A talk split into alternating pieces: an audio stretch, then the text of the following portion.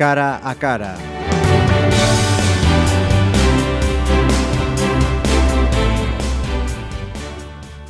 Este viernes Pontevedra va a honrar a San Sebastián, viernes 20 de enero, y en ese tradicional pleno de honores que tiene lugar en el teatro principal, dos nombres eh, van a ser los protagonistas, Ángela Paz y el Colegio de Abogados de Pontevedra. Vamos a comenzar este cara a cara con la merecedora del Premio Ciudad de Pontevedra en el apartado de persona física.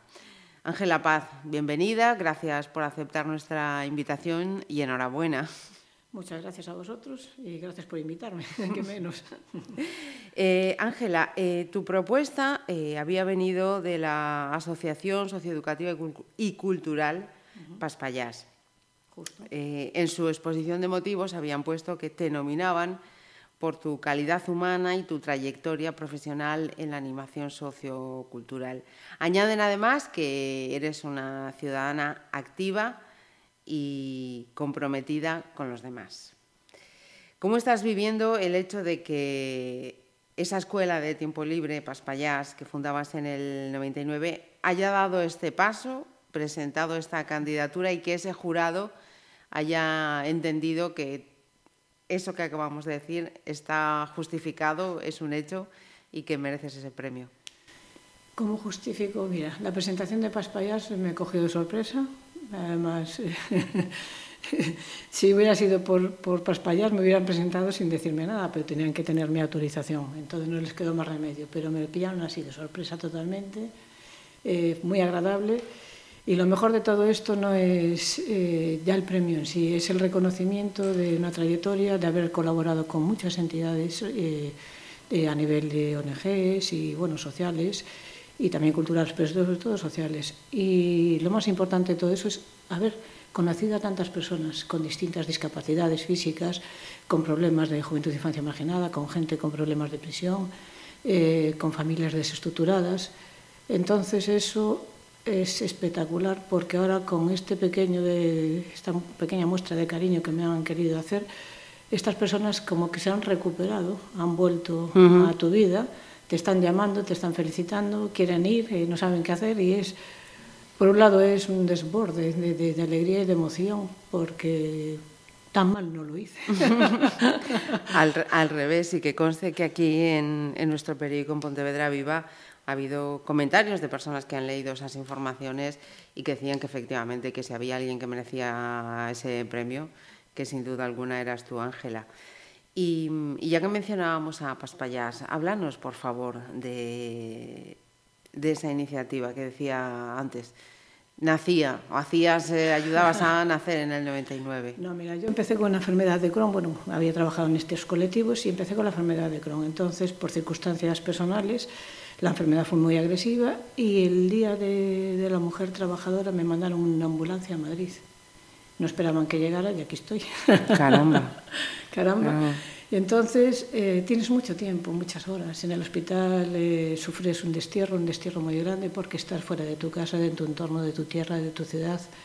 Eh, te vas con tu madre para allá, con tu padre, tu padre vuelve porque tiene que trabajar, tú dejas tu trabajo, dejas todo y allí a, a Pietuya, una mujer siempre, ¿eh? que es tu madre, que es un homenaje a esas madres que están ahí siempre con todos esos hijos. Entonces, ella me permitía en el hospital hacer de todo eso, pero era cómplice conmigo de hacer trastadas, de montar talleres, de porque claro, vengo del mundo de la animación y las horas en el hospital te da tiempo para leer, para pintar, para jugar partidas, para conocer a personas, que conocí personas maravillosas de, bueno, con nombres, bueno, alucinantes, primitivo, primitiva, o sea, nombres, Fulgencia, gente de Segovia, Guadalajara, porque no estabas en Pontevedra, estabas desterrada en un destierro hospitalario. Y entonces eh, esas horas se hacen eternas. Y entonces eh, venía el mundo de la animación y surgió la necesidad, me decían, jo, cuando vuelvas, ¿qué hacemos? Montamos la escuela, hacemos una escuela, y entonces tuve tiempo y en ese momento es cuando surge pues la idea de crear una escuela de tiempo libre, más para allá, donde realmente se trabajaran cosas que faltaban, uh -huh. valores, violencia de género, igualdad, tolerancia, respeto, cosas que eran necesarias y sobre todo calidad. Casi nada. Casi nada. Solamente lo que acabas de mencionar ahora mismo, Ángela, y, echar un vistazo a todo lo que está pasando Imagínate si es necesario ni nada, todo eso. Sí, es muy necesario, muy, muy necesario porque además... Eh, por circunstancias personales, eh, por lo que yo he vivido y gracias a la experiencia laboral que yo tuve con estos colectivos, a mí me ayuda a llevar la enfermedad de una forma distinta y creo que esto, eh, en mi época de trabajo laboral, quienes estaban detrás de cada uno de esos casos, ¿eh? de un niño con, con abuso, de una, de una, chica en prisión, de... siempre era una madre, ¿eh? una madre, pocas veces vi a un padre, ¿eh? uh -huh. siempre estaban allí. Entonces yo creo que va por ellas, porque ellas dan vida, aparte de dar vida, no solamente te la dan, sino que cuidan de que tu vida siga adelante. Uh ¿eh? -huh. Y parece mentira que la sociedad esté castigando como está castigando pues, al género femenino en este momento. Uh -huh. Caray, no pensaba yo que se me iba a poner el nudo en la garganta. eh, añadimos que, que, has trabajado con Cruz Roja, con la Asociación Española contra el Cáncer, uh -huh. y que en 2013, acabas de mencionar la, la, enfermedad también, pusiste en marcha la Asociación Sociosanitaria Educativa Inflamatoria Intestinal, ¿no? ASEI. Sí. Eh, ante las adversidades... Eh, fuerza y a pelear, ¿no? Me da la impresión que ese es tu lema. Mira, nadie escoge tener una enfermedad, pero sí podemos escoger cómo vivirla. Uh -huh. Y ante, la, ante las adversidades, fuerza, no. Ante estos colectivos con los que yo trabajé, me enseñaron, sobre todo esas mujeres, uh -huh. me enseñaron que contra viento y marea están ahí. Que son mujeres que aunque están agotadas, no están derrotadas. Y eso es impresionante. Y eso es lo que me lleva a seguir adelante. Y lucharé, las defenderé y creo que detrás de todas esas familias que hay en la Asociación de, de, de ASEI, de Enfermedades Inflamatorias Intestinales, que la queríamos educativa porque queremos educar, queremos prevenir, queremos y sobre todo queremos concienciar de enfermedades eh, y patologías que son para la sociedad invisible, porque el Crohn, la colitis y las personas con bolsas de ostomía no somos visibles ante la sociedad. Uh -huh. Entonces eh, nos hemos juntado tres personas, salió arriba la propuesta y luchamos por visibilizar y sobre todo pues, un homenaje a todas estas mujeres. Acabas de decir, eh, estas personas enfermas no somos visibles a, ante la sociedad. Eh, ¿No somos visibles por desconocimiento, Ángela? ¿O no somos visibles mmm, porque no interesa que seáis visibles? Hay dos factores. Eh, las personas eh, que tienen estas patologías crónico-colitis ulcerosa o las personas que llevan bolsas de ostomía. Las personas que llevan bolsas de ostomía pueden ser por Crohn, por colitis, puede ser por un cáncer, puede ser un cáncer de orina, de, un cáncer de colon, un infarto intestinal, un accidente de tráfico, que hay gente que no lo sabe también. Entonces, eh, supone llevar una bolsa de orina o de heces. Y las personas de colitis o que tienen también, yo que sé, pues eh, colon irritable, se van por la pata abajo. Hablar de que me cago, uh -huh. literalmente, tal como suena, sí, sí. y lo digo cariñosamente, no lo digo en pan ni escatológico ni nada, sino da pavor. Y cuando tú haces una comida, la gente se sienta cuenta chistes escatológicos, pero cuando toca de pleno, se encierran en banda y no sales. Nosotros queremos romper ese tabú. Uh -huh. Yo llevo 21 años con el Crohn y creo que es necesario romperlo porque no por nosotros los que estamos en, la, en este momento en la Junta Directiva, sino porque cada vez hay más casos, más gente joven, más niños. Y ojalá nuestro, cuando yo empecé hubiéramos tenido una entidad, una asociación que nos hubiera respaldado y que nos hubiera quitado esa venda eh, que la sociedad pone y que también estamos donde estamos. Que, uh -huh. Vamos a quedarnos en casa y que nos enteren. Y hay que romperlo. Y sobre todo por eso, por la gente joven que viene detrás y esos críos para que tengan un, una alternativa de una calidad de vida digna. Uh -huh. Ahora mismo eh, la, las demandas, las necesidades están más en el ámbito sanitario o en el ámbito social, en el día a día. Están en las dos, en las, en dos. las dos. Sí. Mismo nivel. Pues yo creo que sí, porque en el ámbito social creo que es bueno, que además incluso hacen falta programas. ¿Qué pasa? Hacen falta programas, por ejemplo, sobre todo a nivel madres y padres que empiezan con estos críos con estas patologías. No hay ningún, eh, como vamos a ver, antes era como decir, es una enfermedad rara, no es rara. Hay cada vez hay más casos. Antes uh -huh. era rara, ahora ya no es rara. Entonces, ¿qué pasa? No hay un protocolo de actuación a nivel escolar, no hay un protocolo de pasar de pediatría a adulto, aquí hai unha doutora que se encarga, pero faltan todos estos procesos que son necesarios ya en outro mogollón de, de patologías, igual que los celíacos tienen problemas, los diabéticos, que tamén son discapacidades invisibles, entonces falta todo eso. Entonces a nivel social faltaría, digo, a nivel sanitario faltarían esos pasos y también social, porque estamos hablando incluso de que hemos tenido casos eh, de que, crías que han sufrido o críos que han sufrido pues, acoso por, por, por, esta... por esta circunstancia. ¿Mm? Uf.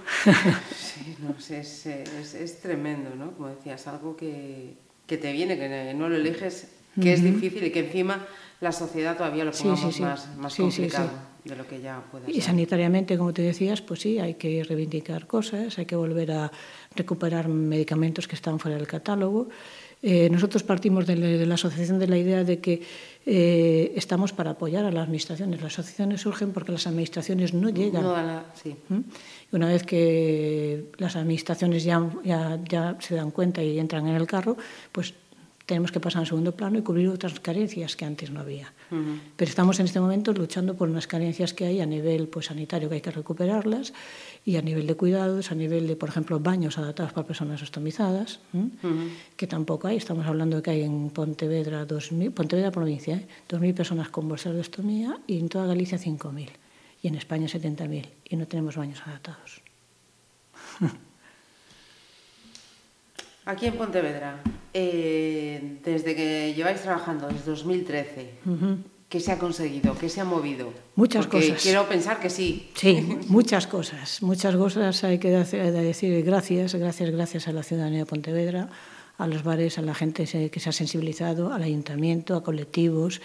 Eh, eh, fue genial y súper emotivo cuando se creó la asociación eh, una de las personas venía del mundo deportivo, yo venía del mundo social, fue levantar el teléfono y pedir, necesitamos que nos echéis una mano, y nunca hubo una negación. Eso no hay quien lo pague. Uh -huh. Entonces es genial que veas que administraciones, tanto públicas y empresas privadas y colectivos y personas, nos están apoyando. ¿Qué se ha conseguido? Visibilizar. ¿Qué se ha conseguido? Sensibilizar. Yo creo que es raro que en Pontevedra no, la gente no conozca la campaña Pon una bolsa en tu vida. Uh -huh. Creo que es raro que las personas pues, eh, Eh, hay, eh, estamos con un proyecto que nos han apoyado aquí los bares y los ayuntamientos, que es eh, con pegatinas, donde con esa pegatina se indica que tú puedes utilizar un baño, porque claro, una persona que se va por la pata abajo 10 o 15 veces, uh -huh. tiene que consumir en agua cada vez que entra 15, al baño. Sí, claro, efectivamente. Entonces hay bares que están colaborando, hostelería que está colaborando uh -huh. con nosotros, con esa pegatina y un carnet pueden usar el baño, porque no tenemos una enfermedad contagiosa. Uh -huh. Y podemos usar el baño para sin tener que consumir. Uh -huh. Y también hemos conseguido unas tarjetas de estacionamiento, que es un proyecto que se... Porque, bueno, esto de no, no puedo esperar. ¿eh? Uh -huh.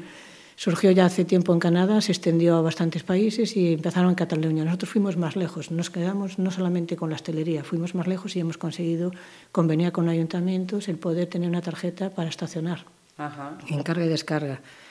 Porque la realidad es la siguiente. Tenemos personas que venían de Porto Novo, ¿eh? de Villa García, que venían al hospital a la consulta y venían por el monte.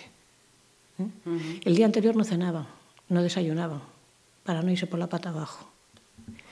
Porque si vamos en autobús, los autobuses no están adaptados. Y Galicia solamente hay tren vía central, no sí. todos los demás extremos. Con esto hemos conseguido colocar pegatinas desde San Senso hasta Pontevedra. Y entonces la, estas personas cenan uh -huh. tranquilamente, cogen su coche y gracias a los convenios firmados con los ayuntamientos paran en los sitios de carga-descarga donde uh -huh. también hay una pegatina. ¿Mm? Sí, sí. Entonces pueden estar media hora tranquilamente que es lo estipulado, para poder ir al baño, cambiar su bolsa o cambiarse, hacer las necesidades uh -huh. sin tener que estar agobiado. Uh -huh. Eso da calidad de vida y quita estrés. Sin duda, sin duda alguna, sin duda alguna. Mira, eh, este dinamismo vital del que hablan estas personas que te han propuesto, -huh. también se ve eh, reflejado en tu trayectoria como voluntaria, del, del que hemos eh, mencionado antes, y también en eventos culturales y festivos de la ciudad. Sí. Participas en la Feira Franca, mm. participas en el del Libro, sí. participas en el Carnaval. Sí, feliz. eh, con lo cual podemos decir que mm, la cultura y las fiestas de esta ciudad también de alguna manera llevan tu impronta. Eh, mi impronta, no, al revés, me han invitado a participar y yo soy una persona que si físicamente estoy bien y la enfermedad y me lo permite, ¿por qué no? La vida es como tener agua en las manos, se te escapa lo que te comentaba antes. Entonces simplemente se te quedan mojadas las manos y eso es un recuerdo. No, hay que aprovecharla al 100%.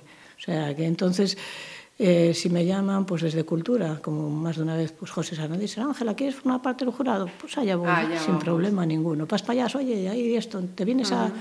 Pero dentro de mis horarios, porque claro, yo tengo un ritmo de vida que, bueno, a veces pues no descansas bien, otras veces, vamos a ver, no es gloria todo lo que aparece. Estamos, estás con una medicación encima, estás con tratamiento, subes cada fuertes al hospital, entonces, los días que puedes y estás en condiciones hay que aprovecharlos como si se fueran a marchar en el momento. Con lo cual me imagino que el viernes 20 va a ser uno de esos días que, vamos, lo vas a aprovechar desde el primer minuto hasta el último y por todos los poros de la piel, ¿no? Y va a ser complicado porque yo aquí hablando contigo no tengo problema, pero hablando en gran público me da pavor. Luego te doy un pequeño truco. Luego te doy un pequeño truco. Me da pavor porque además ahora me estoy encontrando a muchísima gente que hacía tiempo que no veía. Hoy a la mañana mismo, vamos a ir y no sé qué. Yo diciendo, Dios mío. Y es, es bueno, al que está acostumbrado, pues... Y que conste que en tu caso va a ser muy fácil, porque toda la gente que está ahí es gente que vas a tener a tu favor. Con lo cual eso ya es un grandísimo punto ¿eh? a tener en cuenta. No, pero es un, premio, es un premio muy repartido. ¿eh? es como no tienes la responsabilidad de que... Hombre, en este momento en Aceite tocó ser el iceberg de todo lo que hay detrás. Y entonces, pero bueno, hay muchas más personas ahí atrás a las que eh, pues no se atreven a ponerle cara. Espero que algún día me sustituyan y que sean ellos los que tienen para adelante. Pues Ángela, que disfrutes muchísimo, muchísimo, muchísimo de ese día. Que los micrófonos de Pontevedra Viva Radio están abiertos para lo que necesitéis. Muchas gracias. Y muchísimas gracias. A vosotros, a vosotros por invitarnos.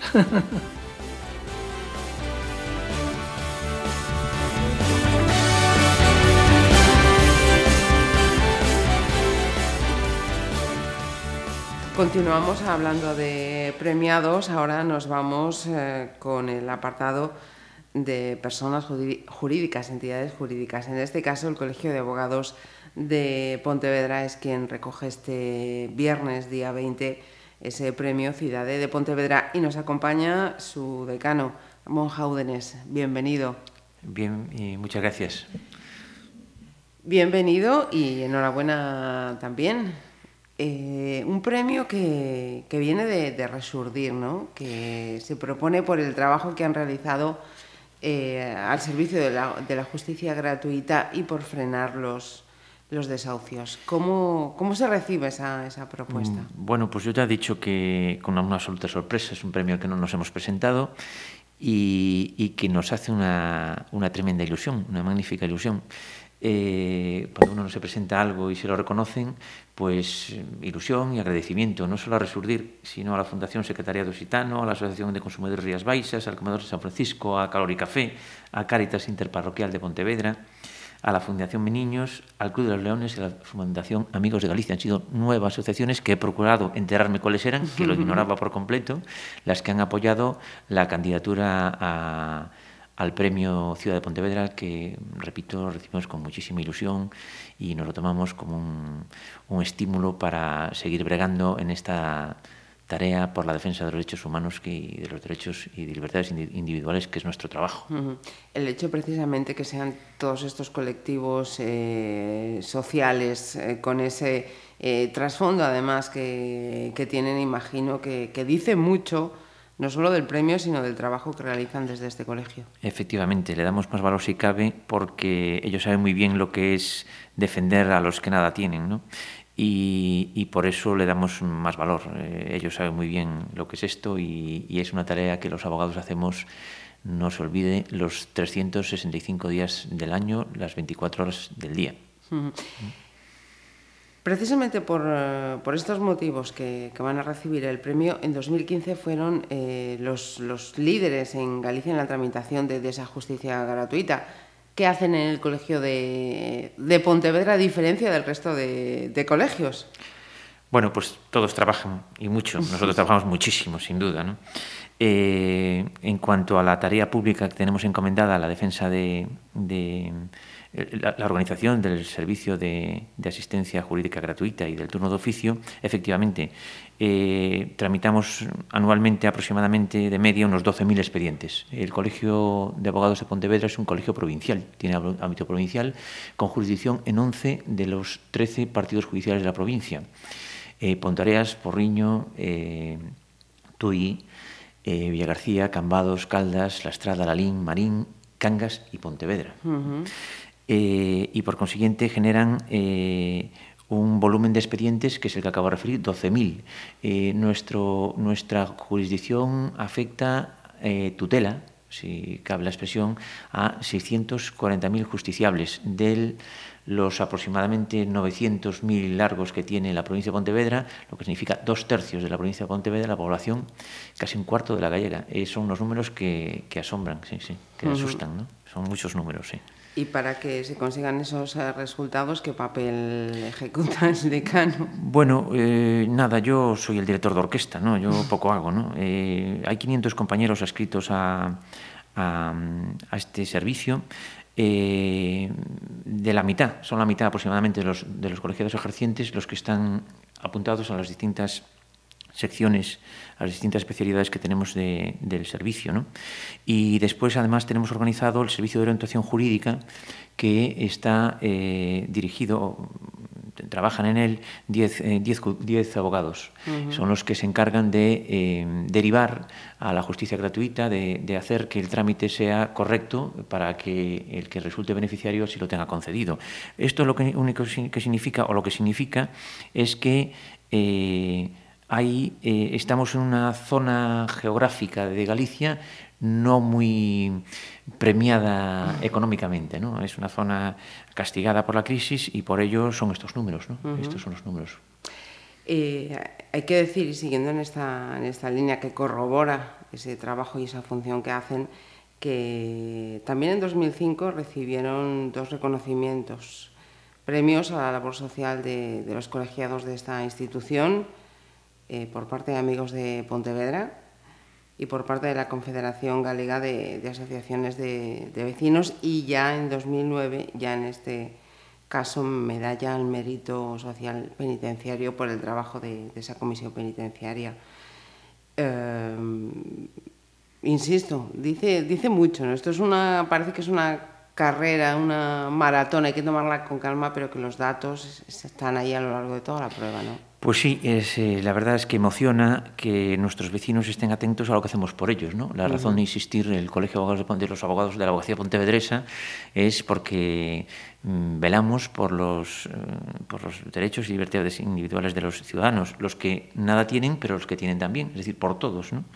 Y que estén atentos tus vecinos y te reconozcan esto, a mí realmente me emocionó. ¿eh? Me emocionó que en el año 2015 como usted acaba de decir, pues estas dos, eh, estos dos eh, asociaciones, estos dos colectivos, nos premiaran también absolutamente, mm, de una forma absolutamente sorpresiva, ¿no? No sabíamos nada de esto, ¿no?